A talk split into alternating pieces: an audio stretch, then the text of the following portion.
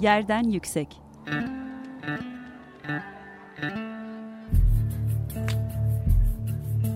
Çocukların mekan algısı ve mekansal hakları. Hazırlayan ve sunan Gizem Kıykı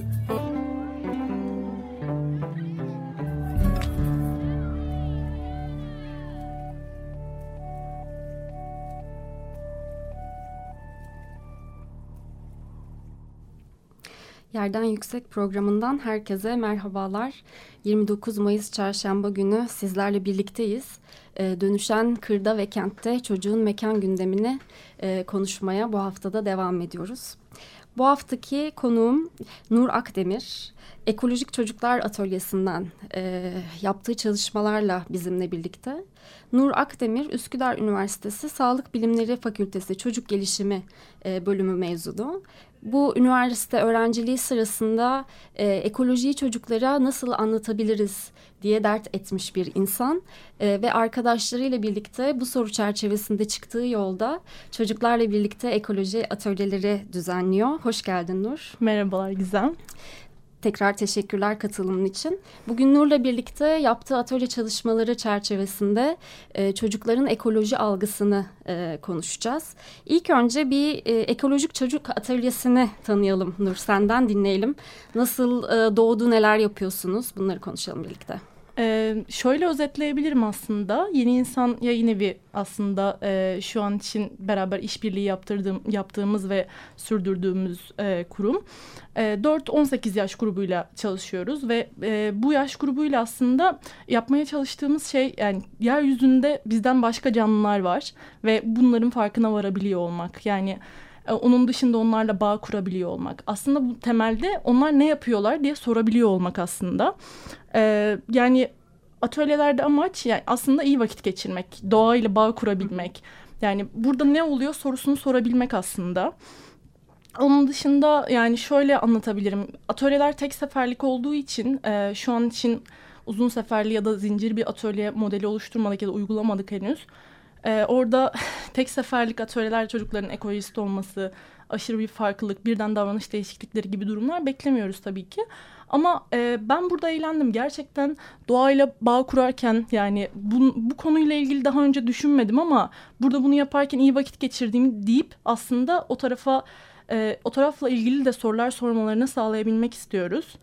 Ee, onun dışında da e, Yeni İnsan Yayın Evi'nden çıkan ekoloji e, zaten ekoloji yayınları yapıyorlardı ve Fide serisine başlamıştık iki yıl önce beraber. Ee, orada da işte ekolojik mahalle gibi şu an son çıkan kitabımız işte Tohumun Rüyası gibi Vandana Shiva'nın e, bu gibi kitaplarla farklı yaş gruplarında e, yayın üretiyor olmak aslında yapmaya çalıştığımız şey. Hem sahada hem de yayın e, olarak bu şekilde sürdürmeye çalışıyoruz. Hangi yaş gruplarıyla çalışıyorsunuz peki? E, 4-18 yaş 4, grubu. 18 Aynen. yaş grubuyla çalışıyorsunuz. Peki bu girişiminizde yani hangi ihtiyaçtan e, doğdu, nasıl yola çıktınız, nasıl birlikte hareket etmeye başladınız? Ya aslında sen de demiştin ya yani e, aslında sürdürülebilirlik diye bir mesele patladı ve yani ne oluyor yani biz bunun üzerine düşünüyoruz, konuşuyoruz. Ama e, biz bir şeyler yapmaya çalıştığımız zaman değişen bir şey yok. Yani yetişkin tarafı aslında pek benim alanım olmadığı için çocuk gelişimci olarak. E, orada çocuklarla ilgili neler yapabiliriz? E, şöyle işte şu an Sürdürülebilirlik Adımları e, Derneği'ni kuran Emrah e, o zaman çevreci etkinlikler yani geleceğin sürdürülebilirlik liderleri diye bir etkinlik yapıyordu ve orada e, Elif'le tanıştım ben. E, Elif de böyle çocuklarla ekoloji atölyeleri neler yapabiliriz üzerine kafa yoran ve işte bir şeyler yapmak isteyen bir arkadaştı. Birkaç gönülle beraber böyle hani ne yapabiliriz yani tamamen kendi sorularımızdan doğdu aslında. Kendi merak ettiğimiz, kendi yani biz yapmaya çalışıyoruz, dönüştürmeye çalışıyoruz. Nasıl üretebiliriz? Yani emek ve üretmek kavramları var ama şu an için tüketim alışkanlıklarımız, işte, e, işte ciddi derecede işte yoksulluk, bu işte karnı aç olan bir insana ekolojiden bahsedilebilir mi gibi mevzular mesela bizim hep tartışma konularımızdı. E, orada da işte dediğimiz gibi bu çok temel bir şey aslında. Yani ekoloji aslında lüks bir şey değil. Yani yaşadığımız yerle bağ kurmamızı sağlıyor, sorgulamamızı sağlıyor. O yüzden de biz neler yapabilirizden çıktı daha çok. Ee, onun dışında da yani e, daha sonrasında ben e, işte Yeni İnsan Yayın Evi ile işbirliğini sürdürerek o taraftan şu an devam ediyorum. Böyle özetleyebilirim. Peki hangi şehirlerde genel olarak İstanbul merkezli yaptığınız bir şey mi? Ee, yoksa başka şehirlerde de atölye düzenliyor musunuz? Ya da şehir odaklı bir şey mi yoksa kırsalda da yaptığın çalışmalar var mı? Kent odağındaki bir program için çok güzel bir soru oldu. Ee, yani çocuk olan her yerde aslında yapabiliyoruz da e, şöyle yani ben İstanbul'da olduğum için diğer arkadaşlar da aynı şekilde daha çok İstanbul merkezli ilerliyoruz. Ama onun dışında işte e, geçen Nisan'da mesela e, Didim Vegan Fest'te ben çocuklarla duygular ve hayvanlar üzerine de bir atölye yaptım. Mesela işte Antalya işte Kepez'deki kitap fuarı gibi böyle farklı bölgelerde ve farklı kurumlarda da daha önce atölyeler yaptık. Ee, onun dışında tabii İstanbul'da en, işte yakınımızda olan bir şeyler yapmaya çalışan Nezat Kökit Botanik Bahçesi, onun dışında işte Ekolojik Yaşam Merkezi Kadıköy Belediyesi'nin gibi yerlerde de yani çoğunlukla İstanbul olmak üzere farklı şehirlerde de hı hı. talep olan ya da neler yapabiliriz'i aslında merak eden insanlarla işbirliği yapıyoruz. Peki bu yani çocuklarda İstanbul'da yaşayan çocuklar da tabii ki e, şöyle bir şey var. Bölgeden bölgeye kesinlikle çok değişiyordur. E, şimdi farklı yaş grupları bu atölye çalışmalarına nasıl tepki veriyor? E, farklı İstanbul'un farklı bölgelerinde yaşayan çocuklar bu atölyelere nasıl tepki veriyorlar ve diğer şehirlerde yaşayan çocuklar nasıl tepki veriyorlar? Biraz aslında e, o da çok belirleyici. E, hepimizin belirli bir dili ortaklaştırmaya çalışma sürecinde bu anlamda. Evet evet çok haklısın. Yani sadece şey olarak değerlendirebiliyorum. Yani en temelde kendi kuşağımla mesela karşılaştırabiliyorum ve yani bölgesel olarak farklılıklar tabii ki çok gözlemlenebiliyor. Yani yerelin farkında olan e, çocuklarla işte daha kent yaşamında daha fazla uyarana maruz kalan işte e, kend, hayatının e, bir gerçekliği olarak doğa olmayan çocuklarla tabii ki fark gözleniyor. Yaş grupları çok fark ediyor. Yani e, bazı işte çocukların yaş grubu büyüdükçe o hayal gücü vesaire yani biz aslında bunu yapmaya çalışıyoruz atölyelerde. Direkt böyle düşün ne olabilir? Daha nasıl devam edebilirsin? Sence bu neden kaynaklanıyor olabilir gibi sorularla aslında doğa üzerine düşünmeye çalışıyoruz. Ve orada e, yani tabii ki bariyer yaş grubu büyüdükçe artıyor ama çok da e, şöyle aslında temel olarak karşılaştırabilirim. E, daha sosyoekonomik olarak avantajlı çocuklarda daha fazla bu kavramlara aşina oluyor olma. Hani avantajlar bu konuda demiyorum. E, etkinlikler ve içerikler olarak çok farklılaşıyor ve hani iyi gruplar da var ama hani bunu bir ön kabul olarak alamıyorum ama e, direkt böyle daha e, sosyoekonomik olarak dezavantajlı gruplarda yani sadece şu an milli eğitim müfredatında e, ya da işte ekookul vesaire kapsamında işte geri dönüşüm mesela meselesi. Hı hı. Orada sadece işte sıfır atık yapıyoruz ve işte şey olacak plastik atık biriktireceğiz. Sadece bu var gibi. Yani aslında daha da yanlış uygulamalarla mesela daha da sevk ediliyor çocuklar.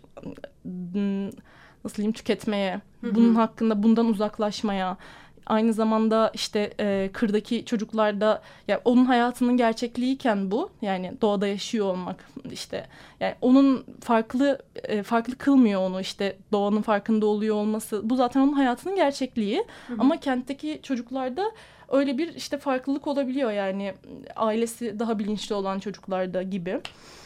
Yani toparlayacak olursam böyle e, ezber bilgiler çocuklardaki e, çok fazla oluyor. Yani kalıplaşmış şekilde geri dönüşüm yapılmalı çünkü böyle böyle olmalı. İşte onun dışında...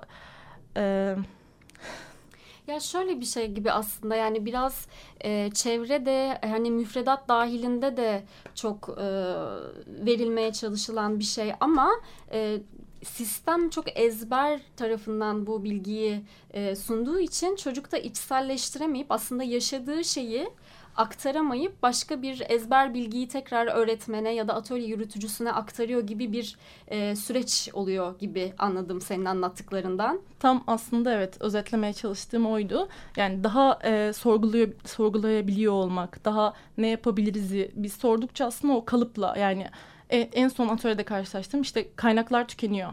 Peki kaynaklar neden tükeniyor? Nerede bu kaynaklar? O orada kalıyor yani bilmiyorum ben diyor yani. Ya da işte geri dönüşüm mesela işte bu sizce geri dönüşüyor mu diyorum. İşte geri dönüşüyor diyorlar mesela. Sizce acaba Türkiye'de bunu dönüştürecek bir sistem var mıdır diyorum. Hani devam etmiyor oradan. Çünkü e, o ders kapsamında ne alındıysa deneyimlenmeyen bilginin işte ne kadar ekofobiye hizmet ettiği ve çocukları daha da uzaklaştırdığını böyle bir bir görmüş oluyoruz. Hı hı. Tam da bu noktada aslında sen de geçirmişken ben de onu çok merak ediyorum. Son e, günlerde ekofobi diye bir kavramı konuşmaya başladık e, ve bunu çocuklarda da deneyimliyoruz. E, bu ekofobi dediğimiz e, şey yani çok kısaca nedir ve e, çocuklarda nasıl bir e, ekofobi gelişiyor? E, ekofobi deyince zaten insanların kafasına direkt eko yani bir korku olduğu konusunda hem fikiriz ama e, bunun üzerine çok fazla konuşmuyoruz. Böyle bir şey yokmuş gibi davranıyoruz. Zaten bu meseleler çok daha yeni işte e, tüketim vesaire işte İkinci Dünya Savaşı'ndan sonra insanların böyle konuşmaya başladığı işte atıktı şuydu buydu meseleler olduğu için e, daha yeni yeni bizim literatürümüze girmeye başlıyor. E, ekofobiyi şöyle özetleyebilirim yani doğa korkusu diyoruz aslında buna tanımsal olarak ama yani daha böyle yuva, ev korkusu yani toprak bunlardan sürekli olarak çocukların bir bilinmezlik var ve biz ben ondan kaçıyorum demesi aslında. Ve hı hı. tüm e, şeylerde sadece ekoloji ve çevreyle ilişkili konularda değil tüm meselelerde biraz daha uzaklaşması, kendilerini e, bilinmezliğe sokmak istemiyorlar aslında. Ee, yani bunlardan temel sebeplerinden biri de işte yani yaş grubuna uygun olmayan şekilde çocukların e, temas etmeye çalışması ya da hiç temas etmemesi hmm. gibi yani şöyle de anlatabilirim e, yani korku çocuklarda sonradan oluşan bir şey ve hmm. Yani bu öğretilmiş bir şey oluyor. Biz işte neden korkması gerektiğini çocuklara söylediğimizde onlar zaten tamam diyor yani hani bir çocuk böcekten korkarken diğeri neden korkmuyor? Korkmasın. Çünkü ebeveynleri muhtemelen orada panik atak geçiriyor oluyor ve Hı-hı. çocuk da diyor ki yani bu benim korkmam gereken bir şey. Ya da onun davranışını kestiremediği için sağa mı gidecek sola mı gidecek? Yani çünkü orada biz, biz ona güvenli bir alan yaratırsak şimdi bunu gözlemleyelim. Bu bizim arkadaşımız olabilir mi? Sence şu an ne yapmaya çalışıyor olabilir? İşte biz burada e, senin hangi davranışına benziyor? gibi bağ kurabileceği aslında şeylere yönlendirirsek daha küçük yaş grubunda mesela bu e, o şeyi destekliyor olacak e, ekofobiden uzaklaşmayı. Ama işte bu korku e, gibi şeyler çocuklarda yani rutinler işte hı hı. bilinmezlikten kaçma gibi şeyler bizim hayatımızın çok gerçekliği. Ee, orada da işte bu gibi şeyler doğada çok fazla olduğu için aslında bu ekofobi diyebiliriz bence.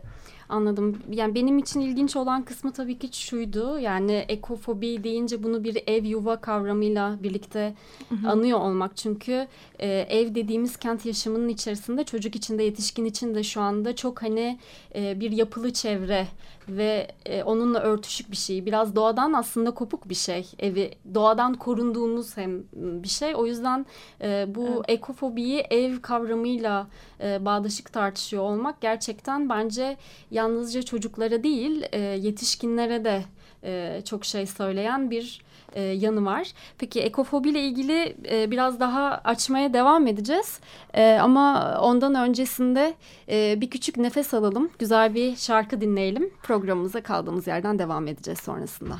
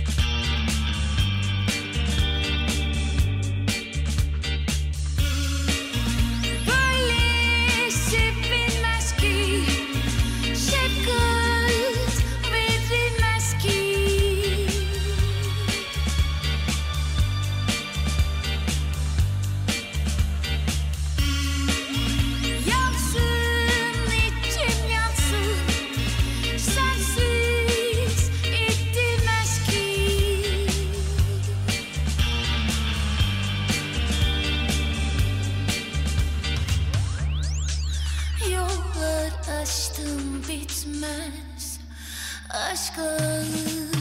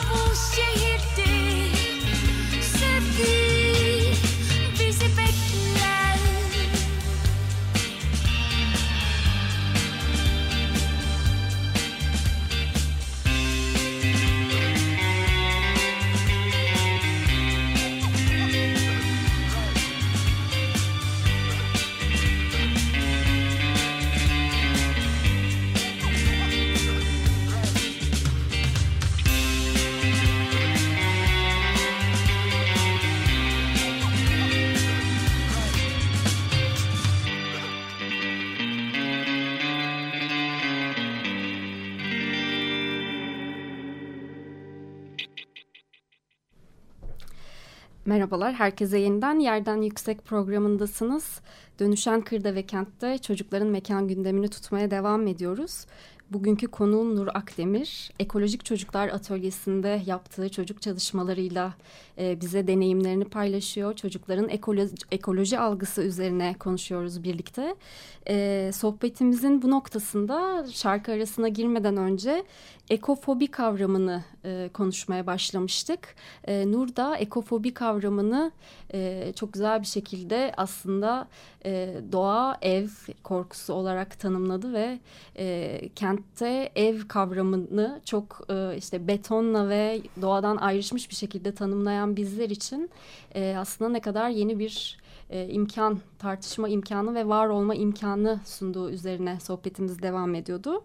E, peki buradan kaldığımız yerden devam edelim. Bu ekofobinin çocuklarda yansıması e, nasıl oluyor? Nelerle karşılaşıyorsunuz? Evet bu kısım biraz üzücü oluyor tabii. Yani en çok e, en gözle görülebilir kısmı e, temas etmek istememe oluyor tabii ki. Yani işte toprağa dokunmak istememek mesela yani. Çünkü o zamana kadar karşılaşmamış ve hani içinden ne çıkacak, neye benziyor. Oyun hamuru çok bil, daha bildiği bir şey yani plastik ve e, bir bilinmezlik içermiyor ama toprağın içinden solucan da çıkabilir, bir böcek de çıkabilir. Yani bir sürü aslında korku içeriyor onun için. E, onun dışında işte hayvanlarla gene aynı şekilde. Yani bu, bu ne şimdi? Yani bitkiyle uzak duruyor olmak, en net gördüğümüz savunma mekanizması uzaklaşmak yani temas etmek istememek böyle bir direnç gelişiyor. Onun dışında e, işte diğer disiplinlerle bir arada düşünürsek çocuklarda e, işte ekofobiyle eş zamanlı olarak işte beraber çalışamama o hmm. İşte yani bunun gibi bir eksiklik var ciddi şekilde. Yani birlikte bir iş üretebiliyor olmak e, becerisi biraz daha azalmış vaziyette gibi. E, onun dışında işte iletişimdi. Yani atölyelerle aslında bunları da desteklemeye çalışıyoruz ve yani zaten e, kendini orada ifade edebilecek iyi bir alan bulursa çocuk diğer tarafa da transferi de sağlanırsa diyeyim hı hı. daha da kolaylaşıyor süreç. Anladım. Peki e, siz atölye çalışmalarınızda ne gibi araçlar kullanarak bunu e, çocuklarda kırmaya çalışıyorsunuz? Ee, bir kere işte gelişim dönemlerini e, göz önünde bulundurarak içerik üretiyor olmak ve işte oradaki yerelin ihtiyacı neyse bulunduğumuz grubun işte e, farklı değişkenleri göz önünde Hı-hı. bulundurarak ona göre içeriği yönlendiriyor olmak. Yani ailesi e, işte söz hakkı tanımayan bir çocuksa mesela yani o gruplarsa yani bir söz geçerliliği olmayan onu az çok kestirilebiliyor zaten. E, öyle olduğunda mesela işte ona göre yönlendiriyor olmak gidişatı. Ailenin diye çok daha dahil olan ve söz hakkı olan işte e, tüketim konusunda da işte üretim konusunda da birçok şeyde daha farklı ilerliyor tabii ki. Orada işte ya da daha e, uygun nasıl uygun hale getirebiliriz? Belki araya işte oyunlar koymak gibi. Bir de işte yaş gruplarına değinmişken aslında şeye de girmek istiyorum biraz.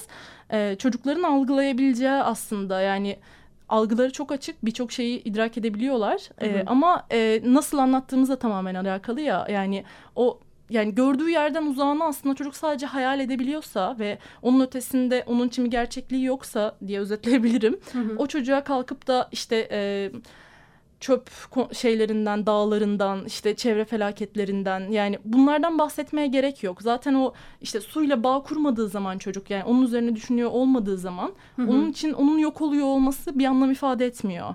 Aslında e, temel aldığımız şeylerden biri de bu. Yani David Sowell'in ekofobiyi aşmakta da kendi diğer e, kitaplarında, makalelerinde de temel aldığı burada bir şey var ve çocuğun gelişim dönemine göre onu nasıl şekillendirmeliyiz? Yani işte daha küçük 3-6 yaş grubu için örneğin işte daha bağ kurma, bunun üzerine oyun oynama, kendilerinin oyun üretmesi, hayal güçlerini geliştirme, hayal hmm. gücü geliştiği zaman onunla daha fazla bağ kuruyor. Yani bu çiçeği gördün ama yani bu çiçeğin ismini şu an bilmene gerek yok. Sen buna bir isim ver. Ama bunun bir de diğer insanlar bu ismi vermişler işte neden bunu vermişler gibi. Yani o tam böyle kendileri anlatmaya hevesli oldukları dönemde onu aslında e, aracı olarak kullanmak demek istemiyorum ama orada orayı bir bağlam olarak kullanmak gibi bir şey diyebilirim. Onun dışında işte daha yaş grubu büyüdükçe bir kolektif olabilmek, işte alan gezileri, işte envanter tutmak yani bu kendi e, ekosistemin ne, bunları sorgulayabil sorgulayabiliyor olmak, beraber hareket edebilmek. Sonrasında ama yaş grubu büyüdükçe işte mesela 13 yaş üstünde lise grupları böyle çok daha e, o enerjiyle bir şeyler yapmak istiyorlar ve bu enerji aslında farklı bir tarafa yönlendirilebilir. Yani yönlendirmek kelimesini de kullanmak istemiyorum ama hı hı. birlikte buna dönüştürülebilir diyeyim. E, orada işte sosyal adalet kavramları konuşulabilir mesela. E, onun dışında sosyal adalet yani bir bir şey için dönüşme dönüştürme gücün var. Bunu anlatıyor olmak aslında çocuğa. Yani doğru yerde doğru şekilde temas edersek e, sonrasında işte ekofobinin yarattığı e, şey sonucunda çocuklar şeye düşmesinler istiyoruz. Yani şu an birçok insanda onu gözlemleyebiliyoruz. Ben neyi değiştirebilirim? Yani biz ona baş edemeyeceği şeyleri verdiğimiz zaman çocuk diyor ki yani ben ne yapacağım ki? Yani ben orada işte kendi tüketimi azaltıyor, tüketimimi azaltıyor olmam ne işe yarayacak? Hı hı. E, işte çünkü fabrika atıklarını hala denizlere dökmeye devam ediyor. E, ama senin attığın atık da e, mikroplastiğe dönüşüyor ve bunun da bir etkisi var ve sen işte bunu yapıyor olacaksın sonra başka birine geçecek. Bu böyle devam ediyor olacağı aslında böyle insanlara sen bir bireysin, sen varsın ve bizim için değerlisin. değerlisin. Bunlar çok benzer şeyler ve e, konudan sapmak istemiyorum ama Hı-hı. benim en çok e, şey yapan ekoloji meselesi üzerine çalışmamda e, nasıl diyeyim yüreklendiren şeylerden biri çok temel bir şey yani biz tüm şeylerde becerilerde çocuklarla çalışıyoruz işte yani becerileri işte geliştirmemiz gereken yanları ama ekoloji zaten bunların hepsini destekliyor. Yani o birey olabilme işte iletişim becerileri daha önce de e, ilk partta bahsettiğim konular var ya yani bunları çok güzel ekoloji üzerinden çalışabiliyoruz. Aynı zamanda da bir anlam kazanmış oluyor hepsi. Çünkü orada somut olarak varlar. Döngüyü görebiliyor çocuklar. Ama biz kalkıp da işte standart bir şekilde işte şu an kar yağacak çünkü kıştayız ama kar yağmıyor. Öyle bir şey yok. Yani o standart şekilde verdiğimiz zaman işte ekofobiyi de desteklemiş oluyoruz. Çünkü o kafada bir yerde olmuyor. Yani şu an neredeyim? Şu an yokum. Bu bir anlam kazanmadığı için çocuklarda işte dediğim gibi yaş grubuna göre ona göre devam ediyor olması çok daha anlamlı oluyor ve biz de buna göre aslında hareket ediyoruz.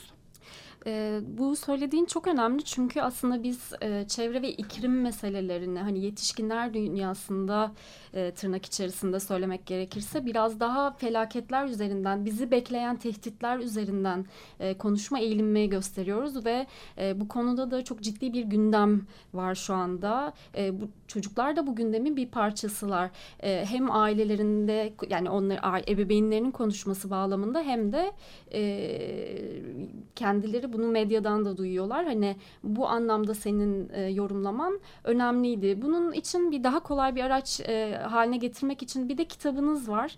E, süremiz bitmek üzere. Çok az ondan da bahsedersen.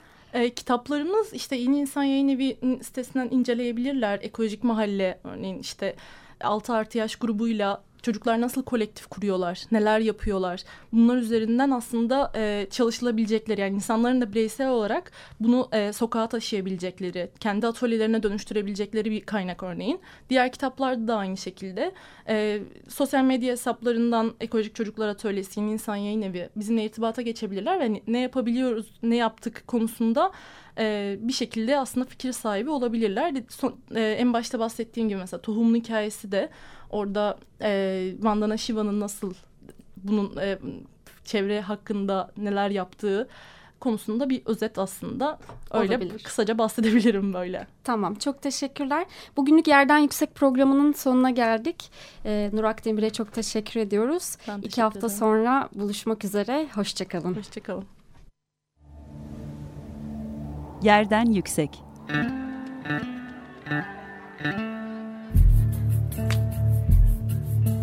Çocukların mekan algısı ve mekansal hakları. Hazırlayan ve sunan Gizem Kıykı